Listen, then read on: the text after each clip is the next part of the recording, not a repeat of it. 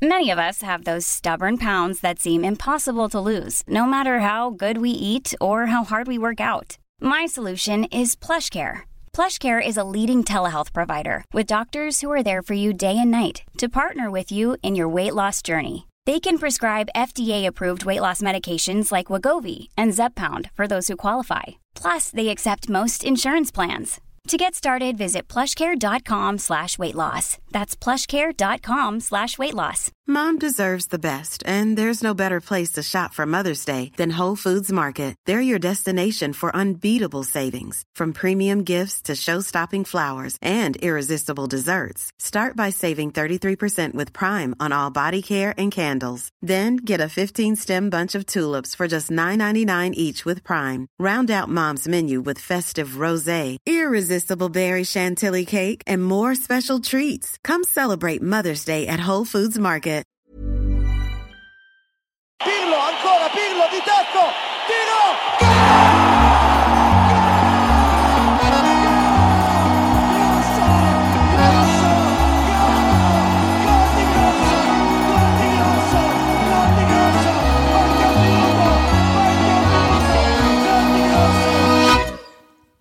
Då är det ett sant och ett eh, varmt nöje att hälsa alla välkomna tillbaka till podcasten Calcio Amore. Jag heter Marcus Birro och det är vecka 36. Det är måndag den 3 september, eh, strax på eftermiddagen på eh, fina hotell Lilla Rådmannen i Stockholm som också dessutom är en stolt sponsor av den här podcasten.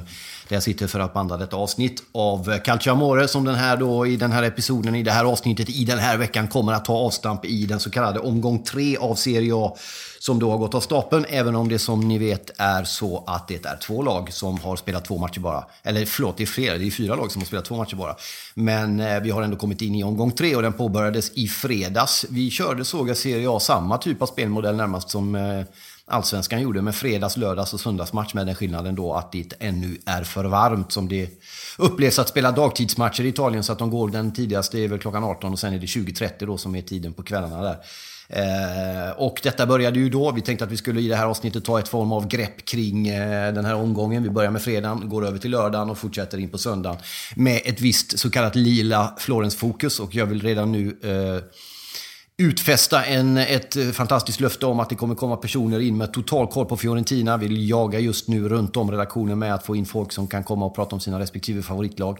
Bland annat genom vårt samarbete med Svenska fans får vi tillgång till kanske några av de mest hängivna och eh, talangfulla eh, både fans och skribenter som eh, supporter Sverige har.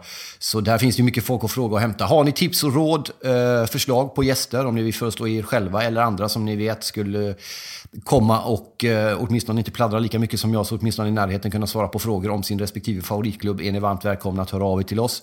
Eh, företrädesvis till mig då. Eh, Marcus Birro heter jag och jag har mejladress marcusmec.birro.hotmail.com marcus.birro.hotmail.com och då är Marcus med C, fattar du eller? Eh, för farsan är ateist va? Och Marcus i Bibeln stavas med K. Och där gick gränsen för pappa va? Så katolik han ändå inte är då man andra Ta en liten stark kopp otroligt koncentrerad espresso på det innan vi arbetar oss vidare. Och det låter ungefär på det här sättet. Ah, vill fortsatt tacka för eh, uppslutningen på Facebookgruppen. Jag vill tacka för det fina gensvaret och responsen på den här sjuka Calcio Amore TV. Jag hoppas ni som kollar på det förstår att det är gjort med glimten i ögat. Både när det gäller vår vän Erik Niva som är med på ett lite skönt sätt och även de här gliringarna mot Viasat. Och att vi förstår att det naturligtvis inte är riktig TV. Men det är underground-TV på ett underground-sätt. Jag menar, svenska fans vet jag är fantastiska. Deras Eurotalk är ju underbar TV på alla sätt och vis. Men eftersom jag inte får komma dit eh, Och undrar ni varför jag inte får komma dit så vet jag inte riktigt själv, men så är det. Ni får fråga dem. Jag har all respekt i världen för det beslutet. Det finns ingen som säger att jag har rättighet att vara med i alla fotbollsprogram som är. Men eftersom det är på det sättet så tänkte jag, ja, men då kör jag själv då istället. Och det är så jag har jobbat hela mitt liv. När bokförlag har vägrat så tänker jag, ja, men då ger jag väl ut den här boken själv då. Tills bokförlagen har hajat att jag var bra. Eller när jag började skriva om fotboll för Expressen och, och ingen sa något, gick upp till dem och sa, du jag heter det här och det här. Jaha, vem fan är du då? Ja, jag är bra på att skriva. Ja, okej, okay. men vad vill du skriva om då? Jag vill skriva om italiensk fotboll. Ja, men är du bra då? Ja, jag kan skicka in några arbetsprover. Ja, ja, så fick de arbetsproverna. Och så fick man anställning. Och när jag sen åkte ut från alla möjliga håll och kanter så kontaktade jag eh, andra människor som är ungefär lika passionerade eller blir kontaktad av andra människor som är lika galna och passionerade. Eh, och i det här fallet kan vi kalla dem Oddsbaren, för det är där som den här podden ligger och de producerar och de står som ansvariga för detta. Där har ni även tre krönikor i veckan av undertecknad, eh, företrädesvis alltid om Serie A. Så att så handlar det om. När man blir motarbetad, om man nu tycker det, eller när man inte ges de chanserna man tycker att man är värd, ja då får man se till att skapa sig chanserna själv. Och det är det Calciamore TV har handlat om. Varje söndag klockan 20.00. Körde även ett extra program i fredags klockan 20 inför den matchen som jag då tänkte att vi på ett sånt här snyggt sätt skulle glida över och snacka lite runt, nämligen Milan mot Roma. Va? Eh, och det blev väl ungefär som vi hade misstänkt. Vi pratade, eller jag pratade om det i podden, pratat om det även under tv-sändningarna, skrivit lite om det på gruppen och i krönikor. Att jag tyckte att det såg, i Milan har ju ett av de här lagen då som bara spelat två matcher än. Eh, men redan i första matchen borta mot Napoli så tyckte jag att man såg riktigt bra ut. Vi kommer komma tillbaka till Napoli och hur de måste då, av någon märklig anledning, halvperverterad sådan, ge bort en halvlek, företrädesvis den första, innan eh, hans mannar, Ancelotti där, vaknar till liv. Men Eh, med det sagt så gjorde Milan, tycker jag, en bra match mot Napoli. Trots att man tappar 3-2 där på slutet, leder ju 2-0 och har ett otroligt fint grepp om Napoli i den matchen, svåra borta på San Paolo. Framförallt var det några detaljer som jag fäste mig vid. Det var, tycker jag, en något tryggare bollskicklighet som jag tyckte man såg i laget. Jag tyckte att man lyckades hålla bollen inom laget. Man vågade. Man hade en del mo. Ibland såg det lite dumdristigt ut, men man vågade hålla i bollen även i försvarslinjen. Såg lite tryggare ut. Eh, jag vet att det är många som inte håller med om det, men jag tyckte man såg det. Och jag tyckte att den bilden kom igen i matchen mot Roma. Första halvlek ganska trist, väldigt regnig. Eh, Milan är mycket bättre än vad Roma är eh, och eh, tar också ledningen. Milan eh, och Roma kvitterar och sen så är det ju då en del mål där på varaktiga sätt som döms bort, bägge med all rätt. Eh, men i ställningen 1-1 känns det som att okej, okay, en del poäng, där hade vi tur. Vi kommer undan om man då håller på Roma. Men på slutet så får ju då Cutrone stänka det här 2-1 målet efter ett misstag i Romas backlinje. Om vi då ska försöka fokusera mycket på Milan istället för att fokusera på dåligt Roma-försvarsspel. För det har vi redan pratat rätt mycket om så tycker jag det är otroligt spännande och intressant att se Milan vinna den här typen av matcher. Det är länge sedan man gjorde det kändes det som. Eh, och det är naturligtvis av en oändlig Jag tror det är svårt att riktigt sätta ord på exakt hur betydelsefullt det är för ett lag som Milan i det läget man är i nu. Och vi har pratat om det i förra podden, det här eh, med historiens arv och, och, och vingslagen från det förflutna och den tyngd från det förflutna som vilar på nutidens Milans axlar. Att vinna den här typen av matcher på det här sättet på övertid, i slutsekunderna av övertiden, eh, efter fantastisk framspelning av Iguain. Eh, som innan då hade gjort ett mål som dömdes bort, får nu istället agera rollen som, med ålderns rätt får man säga, eh, eh, eh passningsspelare, framspelare till Cutrone då. Den unge som många har väntat på skulle blixtra till och det kom en fråga på Facebookgruppen här för någon dag sedan om vi ser honom som en ny Inzaghi och det är många som talar om Cutrone som en ny Inzaghi.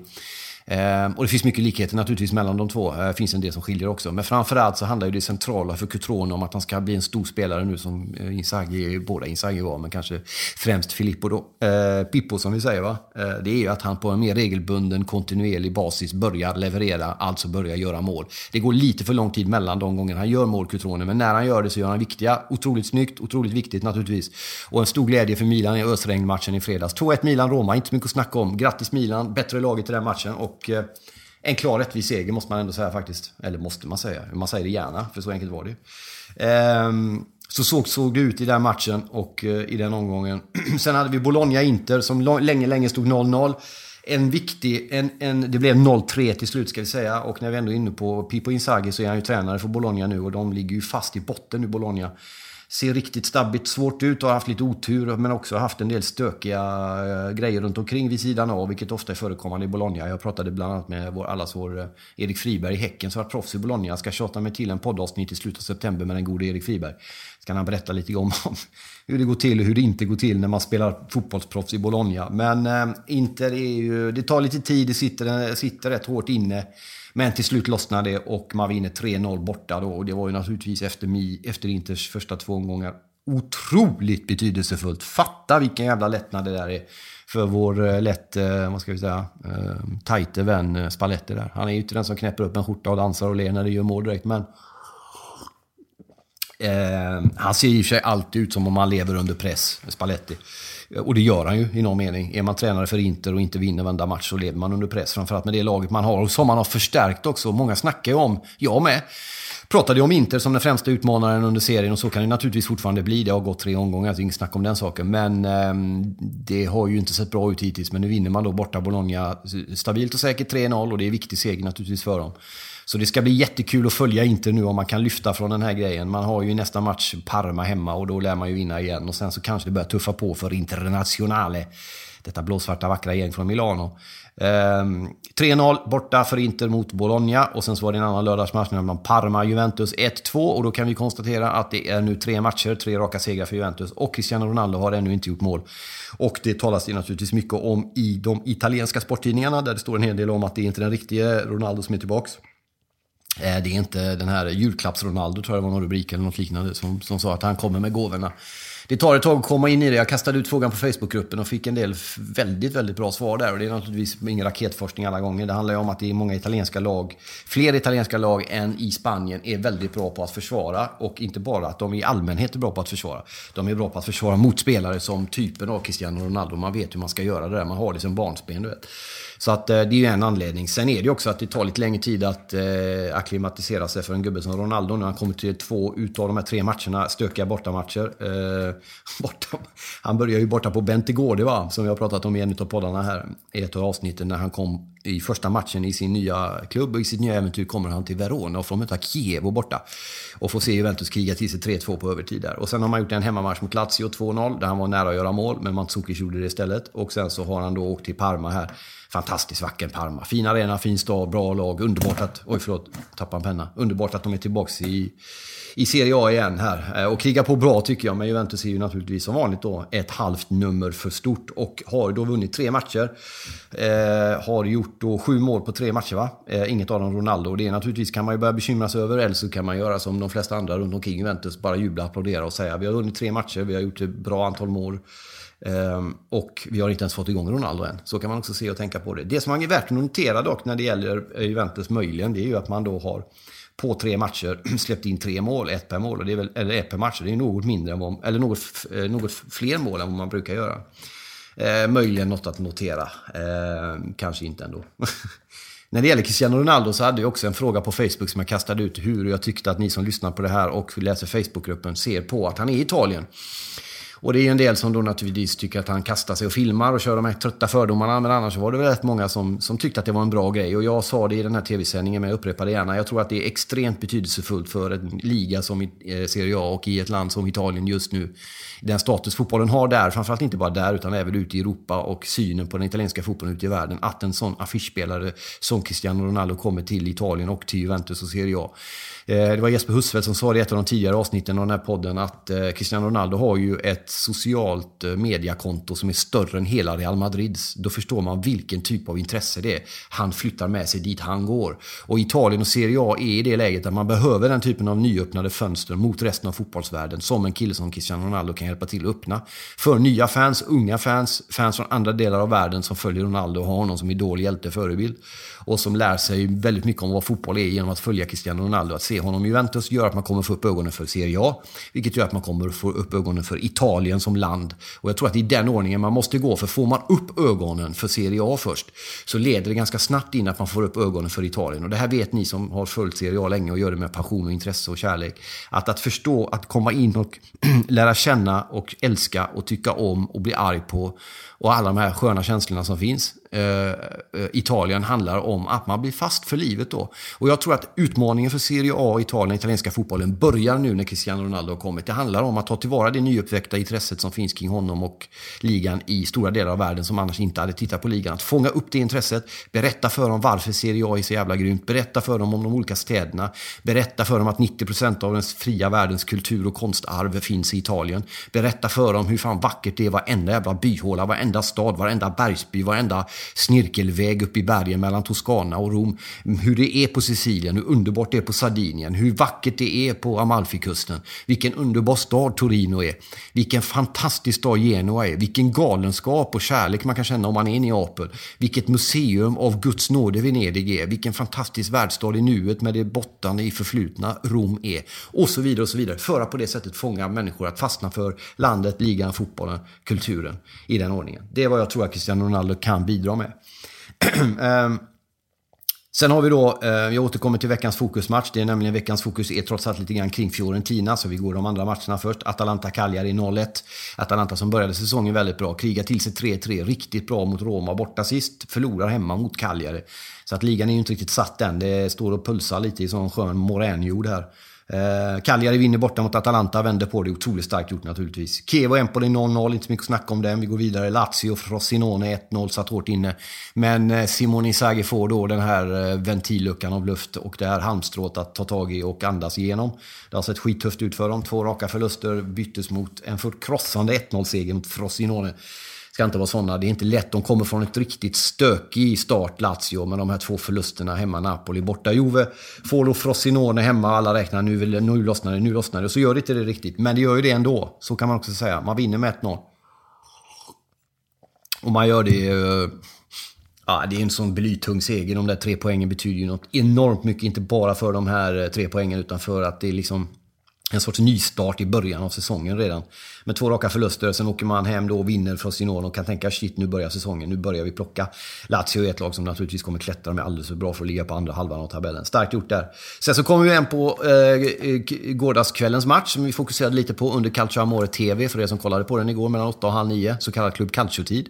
Där jag sitter i min tröja och svettas och pratar ungefär som jag gör nu, fast utan att det syns. Nu syns det inte, men då syntes det. Eh, Sampdoria-Napoli 3-0. Underbar match på många sätt och vis. Väldigt speciell match av flera anledningar. Och den främsta naturligtvis vet ni om. I motorvägsbron som rasade för några veckor sedan så dog över ett 40-tal människor i samband med den. Det har varit ett, och är fortfarande, en stor sak i Italien. Det som hände naturligtvis inte bara för eh, för Genua som stad med omnejd utanför hela Italien. Det här är ju en motorvägsbro som binder samman Italien motorvägsmässigt. Så att eh, alla som har åkt bil i Italien längre än du vet, två mil har åkt över den där bron. Många har relation till den, många, många har kört över den, många har varit på den, många vet vad det handlar om. Så det har betytt naturligtvis väldigt mycket och det har varit stor sorg och det har varit framförallt i Genua som stad såklart och både Sampdoria och Genua sköt ju upp sina första matcher och kommer att spelas i september respektive oktober. Så detta var Sampdorias första match eh, för säsongen hemma. Och det var även då Sampdorias andra match sammanlagt, men första hemma efter den här olyckan. Och det var en väldigt speciell inramning. Naturligtvis i samband med det, både innan, under och efter matchen, så, så genomsyrade liksom den här händelsen med motorvägsbron hela den här, eh, hela den här tillställningen. En annan sak eh, vid sidan av det, om vi lämnar den delen och går över till fotbollsmässiga, var ju då att Albin Ekdal fick chansen från start, vår svenska vän där. Och han kom in som om han aldrig gjort annat. Shit, det kändes som man alltid hade spelat i Sampdoria. På många olika sätt och många olika anledningar. Den här jävla tröjan är så snygg som man dör till att börja med. Men inte bara det. Eh, han var inte felfri på något sätt. Han spelade en del felpass på ett skönt svenskt sätt. Det gick lite för fort såg det ut som. Men eh, han tog fighten, han tog kriget. Han är smart, mycket smartare spelare nu än när han kom till Italien för tio år sedan. Vad det nu är. Vad det nu är. Ja, det är något sånt nästan. Han kom till Juventus och Siena och det där och sen vidare till Cagliari bland annat då. Så eh, han är smartare nu. Eh, han har varit med om en del och man ser det att han, har, han är inte lika valpig. Han tar plats, han skäms inte för sig och, och, så. Och sen får han ju då vara med under den här matchen som betyder så extremt mycket för den nya klubben han har kommit till. Och Albin är tillräckligt eh, både hjärtligt och intellektuellt med för att förstå innebörden exakt av hur stort det är att vara med om en sån här grej. Att få vara den första matchen efter en sån händelse. Möta Napoli som var obesegrade då, två omgångar, två segrar va? Eh, fram tills dess hade slått Lazio borta och Milan hemma. Kommer nu då till Genua och lämnar ifrån sig första halvleken som de har gjort de två andra matcherna också. Men den här gången så lämnar man ifrån sig dem till ett bättre lag som gick med otroligt mycket energi med tanke på allt som har hänt i Genua. Det kändes som att man hade ett antal kärleksfulla spöken vid sin sida som hjälpte dem att lyfta hela laget. Eh, och Napoli kommer inte ikapp det här överhuvudtaget utan det är 3-0 och sen så förblir det 3-0. 2-0 i paus va. Och sen gör ju då Quagliarella 3-0 på klack från straffområdet i hög fart där bollen ser ut att komma från annan. Så vrider han benet och klackar in 3-0 och firar inte efteråt eftersom han är från Neapel med omnejd där. Och om vi ska stanna lite vid Quagliarella. Eh, jag såg Martin Åslund, den gode mannen där, var ute på Twitter och skrev att han är nog den spelare som gör mest sådana här mål, spektakulära sådana, eh, och som inte har fått erkännande för det. Och det ligger en del i det, framförallt i Italien har han fått erkännande för det. Där vet man vilken typ av stor spelare det här är. Men han är en spelare som håller låg profil. Han har eh, kanske inte blixtrat, briljerat de chanser och de gånger han haft Eh, fått möjligheten i landslaget till exempel. Eh, och när han kom till de något större klubbarna, han har ju varit i bland annat Juventus, så var det inte riktigt samma sak. Nu är han i Genoa Sampdoria, där han är lagkapten, fanbärare, stor, stor hjälte. Och gör det här målet då som är helt galet. Och han har gjort sådana här må fler mål innan, precis som Åslund är inne på. Han har gjort flera sådana. Jag har ju följt honom sen, jag kommer ihåg, jag var nere 2004 någon gång där och då fick man lära sig det nya namnet Quagliarella och man skulle lära sig det stava det liksom. Och det var G-U-A-G och sen så lärde man sig det. För han dök upp ideligen. Eh, och då var han med i landslaget. Han var ju även med, eh, kom med till EM 08 va. Eh, och gjorde även VM 10 och lite sånt där. Men han är ju en fantastisk fotbollsspelare när han är på humör. Har haft en del privata strul, bland annat någon stalker som har hängt efter honom och mordhotat honom i omgångar. Och haft det, han har haft det stökigt privat. Eh, men en otroligt tänkande fotbollsspelare på alla sätt och vis och helt jävla grym. Han får, jag får tänka på Gianluca Vialli som gjorde en hel del sådana mål på 80-talet. Jag kommer ihåg bland annat ett EM-kval och det här är länge sedan. Nu får ni ha Many of us have those stubborn pounds that seem impossible to lose, no matter how good we eat or how hard we work out. My solution is PlushCare. PlushCare is a leading telehealth provider with doctors who are there for you day and night to partner with you in your weight loss journey. They can prescribe FDA-approved weight loss medications like Wagovi and Zepbound for those who qualify. Plus, they accept most insurance plans. To get started, visit plushcare.com slash weight loss. That's plushcare.com slash weight loss. Quality sleep is essential. That's why the Sleep Number smart bed is designed for your ever-evolving sleep needs. Need a bed that's firmer or softer on either side? Helps you sleep at a comfortable temperature? Sleep Number smart beds let you individualize your comfort so you sleep better together. JD Power ranks Sleep Number number 1 in customer satisfaction with mattresses purchased in-store. And now save 40% on the Sleep Number limited edition smart bed for a limited time. For JD Power 2023 award information, visit jdpower.com/awards. Only at Sleep Number stores or sleepnumber.com. Even when we're on a budget, we still deserve nice things. Quince is a place to scoop up stunning high-end goods for 50 to 80% less than similar brands. They have buttery soft cashmere sweaters starting at $50, luxurious Italian leather bags, and so much more. Plus, Quince only works with factories that use safe, ethical, and responsible manufacturing. Get the high-end goods you'll love without the high price tag with Quince. Go to quince.com/style for free shipping and 365-day returns. Mot med mig, men jag sätter saker och ting i perspektiv. Det är ju bland annat det jag är bra på, bland mycket annat. Det är att eh, Sverige-Italien var i samma EM-kvalgrupp 87 till EM 88 och i Italien då spelades en... Sverige vann första matchen i, i Stockholm med 1-0, mål av Peter Larsson tror jag. Den gamla mittbacken där från Blåvitt bland annat. Ehm, och sen så åkte de till Italien och då gjorde Gianluca Vialla två helt sjuka mål. Och det roliga är att när han hade gjort ett sjukt mål eller om det var bägge, jag kommer inte ihåg, det är länge, det är över 30 år sedan nu. Så eh, det är Thomas Ravelli som stod i mål intervjuad och han bara skrek in i mig. Han gör aldrig om det där! Han gör fan aldrig om det! Men det sjuka med eh, Gianluca Vialli var att han gjorde om det och han hade gjort sådana mål innan. Det var galna mål. Ni kan gå in och youtuba dem där om ni hittar dem Sverige-Italien. Eller Italien-Sverige, 87 eh, tror jag det var. Eh, och han påminner lite om det, Quagliarella, med sina mål. De målen han gör och hur han gör dem och sådär. Och inte bara det, han är ju en fanbärare för stan, vilket har betytt naturligtvis extra mycket under den här tiden som varit. Och han är en, eh, en eh, vad man brukar säga, en bra människa helt enkelt. Så vi undrar honom all framgång nu på, han är ju över 30 sådär med råge. Så eh, fantastiskt snyggt och underbart gjort. Och sen så har vi då målsnåla Italien där alla bara kastar sig och ingen gör mål. Sassuolo och Genoa 5-3. Det gillar man ju. Sassuolo bara stänker in mål. där. Berardi bland annat som är med i landslaget nu också tagit ut till den här truppen som jag pratade om i Calciamore TV. Den finns upplagd som bild där. När de här eh, eh nya eh, Europaspelet börjar. Där Italien möter Polen 7 september va? Hemma i Bologna. Och sen så möter man Portugal borta i Lissabon 10 september. Eh, Sassuolo Genoa 5-3 och sen Torino då som vinner, tycker jag, en meriterande seger 1-0 mot Spal. Och det kanske många undrar var, varför det? Bland annat därför att Spal vunnit två matcher och hade fint flyt och Torino sett lite sådär halvstabbiga ut men lyckas vinna och hålla tätt framförallt. Vinner enkelt då 1-0 mot, eller enkelt, men man vinner genom att vinna med 1-0 och hålla tätt, var så jag skulle säga. Och det gör man riktigt bra. Så viktig seger för Mazzari och gubbarna i Torino där som har ett otroligt bra lag på pappret Torino. Eh, det gäller att få dem att få det att sitta och eh, kanske detta kan vara början möjligen till det. Lite fokus Fiorentina och Udinese. Satt hårt inne. 1-0 till Fiorentina som nu då alltså leder Serie A ihop med Juventus med tre raka segrar. Och vi måste börja, om vi ska inte på något sätt göra ett uttömmande reportage om eh, Fiorentina för det måste vi ha en Fiorentina-fan här och det kommer att komma. Eh, när vi tar matchen först och främst då, eh, post, eh, partita eftermatchsnack, Fiorentina Udinese 1-0. Den satt inne den här matchen. Eh, otroligt fina förutsättningar, fin sol, mycket publik, alla var glada, gått bra i början och så var det upplagt för fotbollsfest och sen så blev det väl inte riktigt på det sättet, men man vinner med 1-0. Och man gör det med ett lag, om vi ska ta lagelmerna, eh, startelverna tycker jag, Fiorentina spelar 4-3-3, de har Lafont, Biragi, Hugo, Petzella, Milenkovic, Gerson, Fernandes, Benassi eh, Eseric eh, och sen har man Simeone Kesa längst fram då. Och Det är ju bra folk. Nu. Det är bra folk på alla positioner, men det är ju inte... Det är inte sådär så att man bara faller ner i, i du vet, kåtslag och bara ligger och spasmrycker mot en dörrkarm med jeansen uppknäppta när man hör Fiorentinas startelva. Ändå har de alltså då börjat alla, de har börjat serien med tre raka segrar. Och man har vunnit på lite olika sätt också. Man har kört över en del motstånd, krigat sig till ett, ett och annat och så vinner man 1-0 efter, efter en ganska tung match mot Udinese. Eh, men det är ju fantastiskt att se. Roberto Mancini, förbundskapten för Italien, var där och kollade och han kunde ju inte valt en bättre dag när det gällde Kesa där som var helt och hållet jävla makalöst grym särklass bäst på plan, bäst i, i Fiorentina såklart. Framförallt han hade en soloräd där, där han drog iväg från halva plan och sprang förbi allt och alla.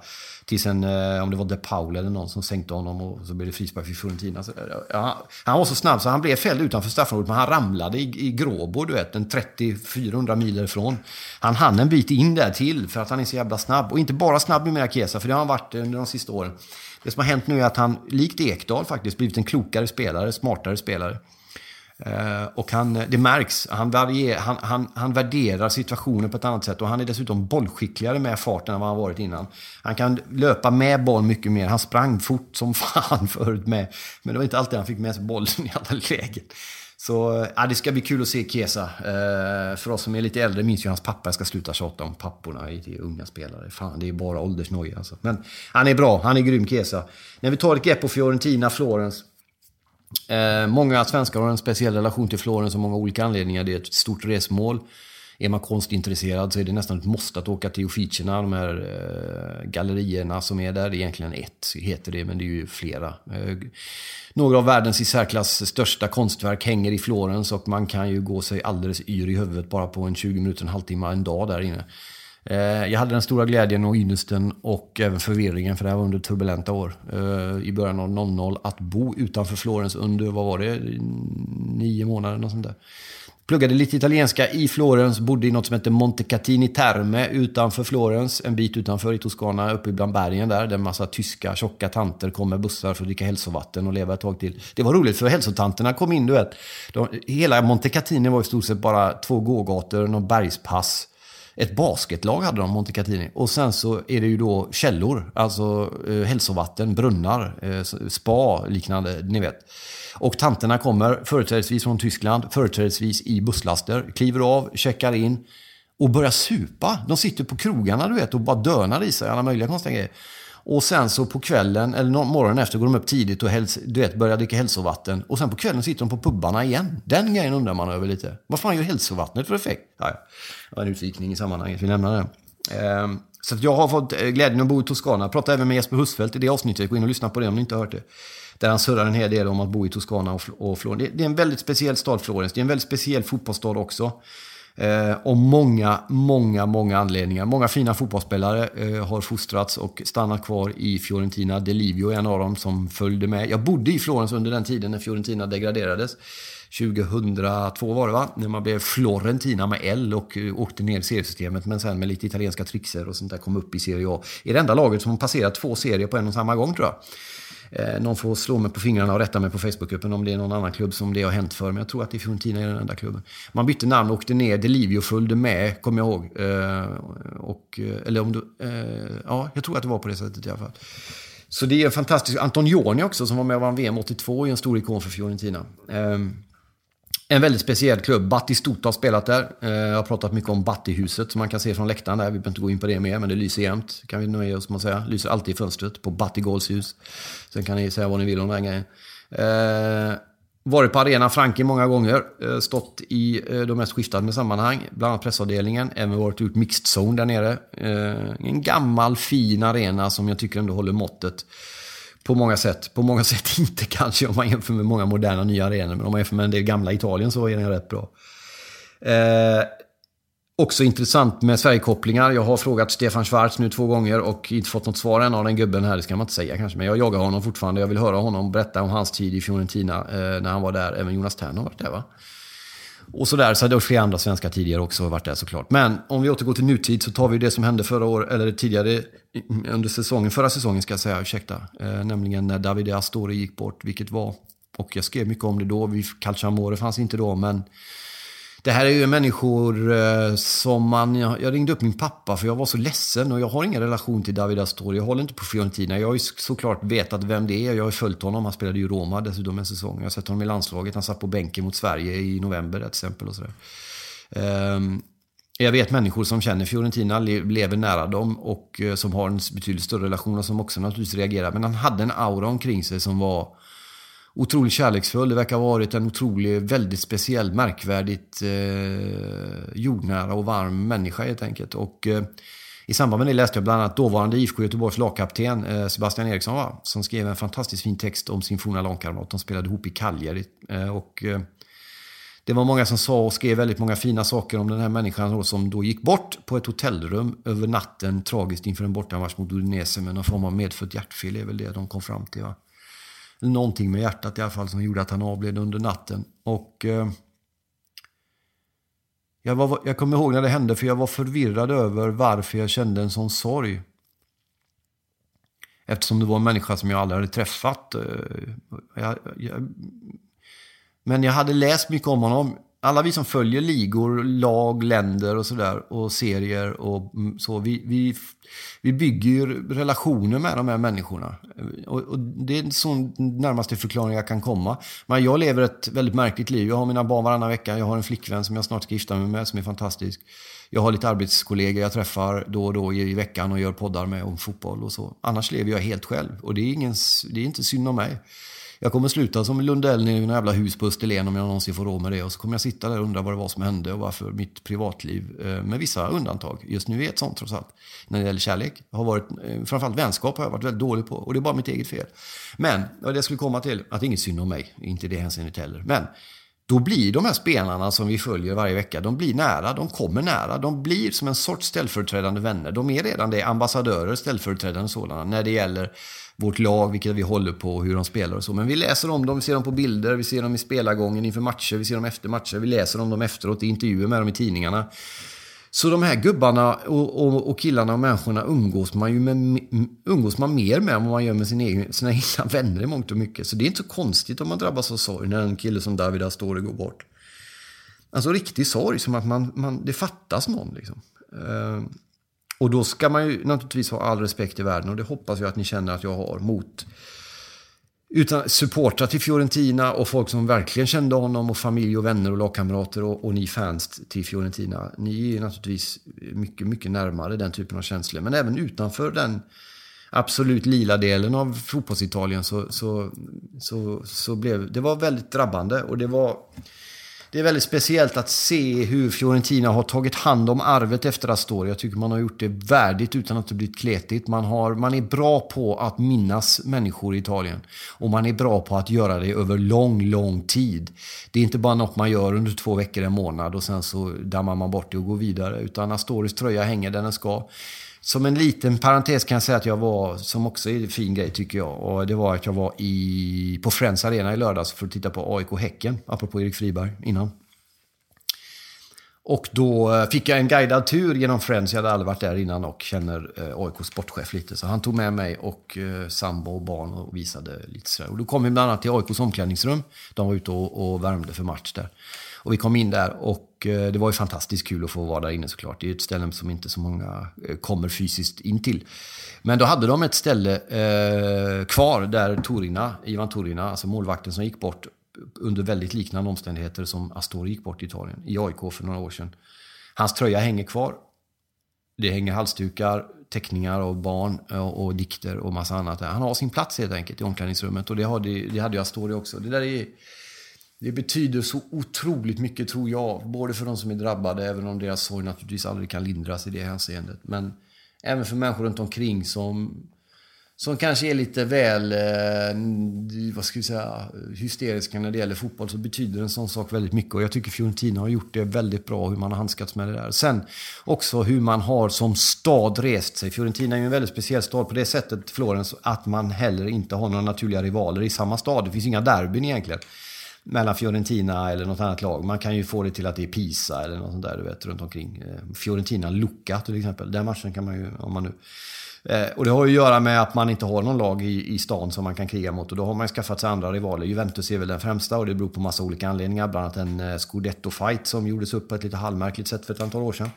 Och att Roberto Baggio gick från Fiorentina till Juventus och sen är det någon annan, lite andra anledningar också. Så den matchen är som ett derby för dem. Men de har inga lokalrivaler som derbyn, vilket också gör stan väldigt speciell ur det hänseendet. En annan sak som gör dem, det är Italiens Arsenal i någon mening nästan. Inga jämförelser i övrigt, men man har ju inte vunnit på väldigt, väldigt länge. Eh, så det saknas dem och de lever med det på något sätt. Men till skillnad från många andra lag som är sådär, som krigar och håller på och inte kommer någonstans, men som aldrig vinner något, så finns det ett större tålamod känns det som i Fiorentina. Man, man ser värdet i andra saker. Det finns en stolthet i andra saker att uppnå och sådär. Ehm, så att det är jättekul att de är med i tidigt på säsongen, men de ligger i topp och bara det är ju liksom alldeles fantastiskt på alla sätt och vis. Så vi är glada över att Fiorentina är med och slåss i toppen av, eh, av Serie A. Eh, vi ska kolla lite grann vidare på eh, matcherna som eh, kommer att spelas också. Vi ska se om vi kan eh, hitta dem. Det blir ju då mm, det är ju uppehåll va? För det är ju landskamper som jag sa i slutet av den här veckan är det landskamper. Så nästa match är Domenica. Det är söndag den 16 september. Är det Cagliari-Milan, Empoli-Lazio, Frosinone-Samp, Genoa-Bologna, Inter-Parma som sagt. Juventus-Sassuolo. Och sen har vi en skön match. Napoli hemma mot Fiorentina. Napoli då som måste på något sätt ta tag i det man håller på med där. Det ska bli väldigt intressant att se hur Ancelotti reagerar efter 0-3 borta mot Samp. Och det här är ju inte första gången som sagt. Det är tre matcher i rad man kastar på första halvlek. De två första matcherna lyckades man vända och komma tillbaks. man kom delvis tillbaks mot Samp också. Men man gjorde inga mål. Och eh, till slut så vann Samp ändå 3-0. Kul ska det bli. Napoli, Fiorentina. Roma möter Kevo, Spal, Atalanta, Udinese mot Torino va. Eh, så ser den grejen ut. Inför Eh, nästa omgång då. Men det är ju landskamp, eh, upp, landskampsgrejer här då som sagt. Den här nya eh, Europa League, höll jag säga. Men Europa Playoff-grejen där. Och det ska vi naturligtvis ha ett fokus på. Jag ska säga det att vi kommer kasta in en extrasändning i veckan här som bara kommer handla om det italienska landslaget inför matcherna. Som alltså är på fredag Italien-Polen i Bologna. Och på måndag den 10 september är det Portugal-Italien i Lissabon. Så eh, det ska ju bli naturligtvis fantastiskt vackert. Till dess så vill jag bara då rabbla upp tabellen. Att vi har eh, eh Juventus som leder med 9 poäng. Sassuolo 2 av 7. Fiorentina har ju då eh, eh, två matcher som de har vunnit. Jag har sagt tre under hela sändningen så jag har haft fel. Men man har spelat två matcher och vunnit bägge. En hemma och sen en till nu då. Eh, så jag ber om ursäkt för att jag sluddrade att det har varit tre. Det är två men de har vunnit två av två och har sex poäng. Eh, och det är naturligtvis bra jobbat så, men man ligger en bit efter då. Men man är en poäng efter Sassuolo som har en match mer spelad, tre efter Juventus. Spal fortfarande på fjärde plats. Napoli femma, Atalanta sexa, Inter sjua. Överraskningslaget fortfarande ändå Empoli 8, Sen har vi Roma 9. Milan är på fjortonde plats. Eh, så då fattar ni hur blytung seger mot Roma var, att man tog den. Lazio också blytung seger på 16. Sist Kievo, eh, en poäng. Inget lag med noll poäng dock. Och så återupprepar jag det att jag ber om ursäkt om jag sa att, eller att jag sa att Fiorentina hade vunnit tre matcher i rad. Man har vunnit två. Eh, man skulle ju möta ett av Genoa-lagen där i den första matchen som ställdes in på grund av olyckan där. Så jag ber om ursäkt för det. Men det är två raka segrar för Fiorentina i alla fall. Så att man är med i toppen där. Och när de kanske möjligen vinner mot Napoli borta, då ska vi definitivt ha ett Florens-spektakel med en specialinbjuden gäst. Det ska vi ha ändå för övrigt.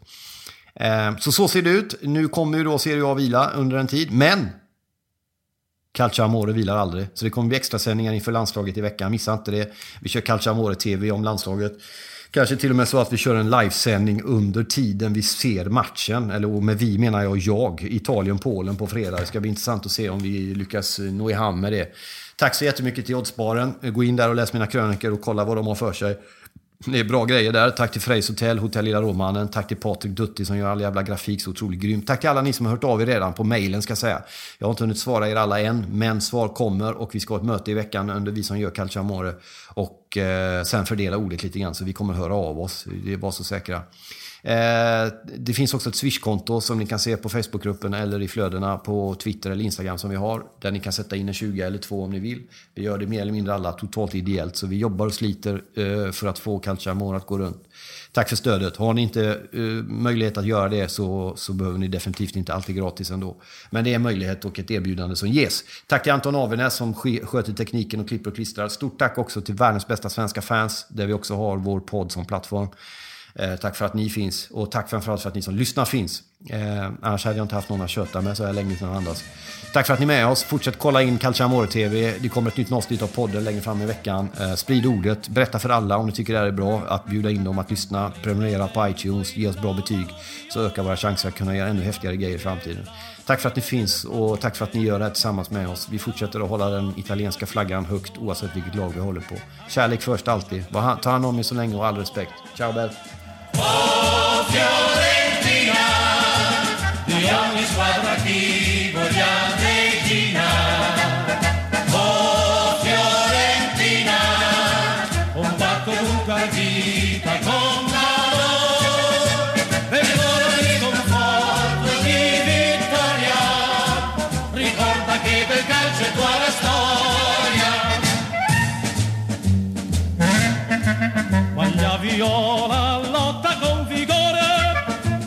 per essere di Firenze vanto e gloria, sul tuo vessillo scrivi forza e cuore, e nostra sarà sempre la vittoria.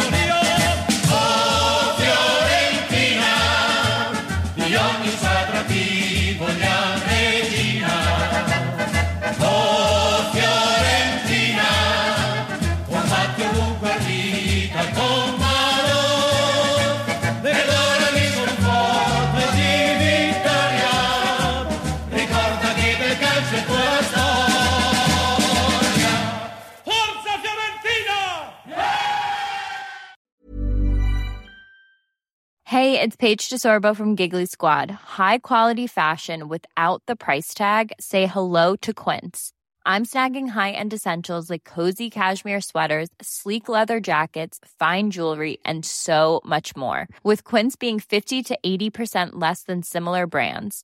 And they partner with factories that prioritize safe, ethical, and responsible manufacturing. I love that. Luxury quality within reach. Go to quince.com slash style to get free shipping and 365 day returns on your next order. Quince.com slash style. Even when we're on a budget, we still deserve nice things. Quince is a place to scoop up stunning high end goods for 50 to 80% less than similar brands. They have buttery soft cashmere sweaters starting at $50, luxurious Italian leather bags, and so much more. Plus, Quince only works with factories that use safe, ethical, and responsible manufacturing. Get the high-end goods you'll love without the high price tag with Quince. Go to quince.com/style for free shipping and 365-day returns.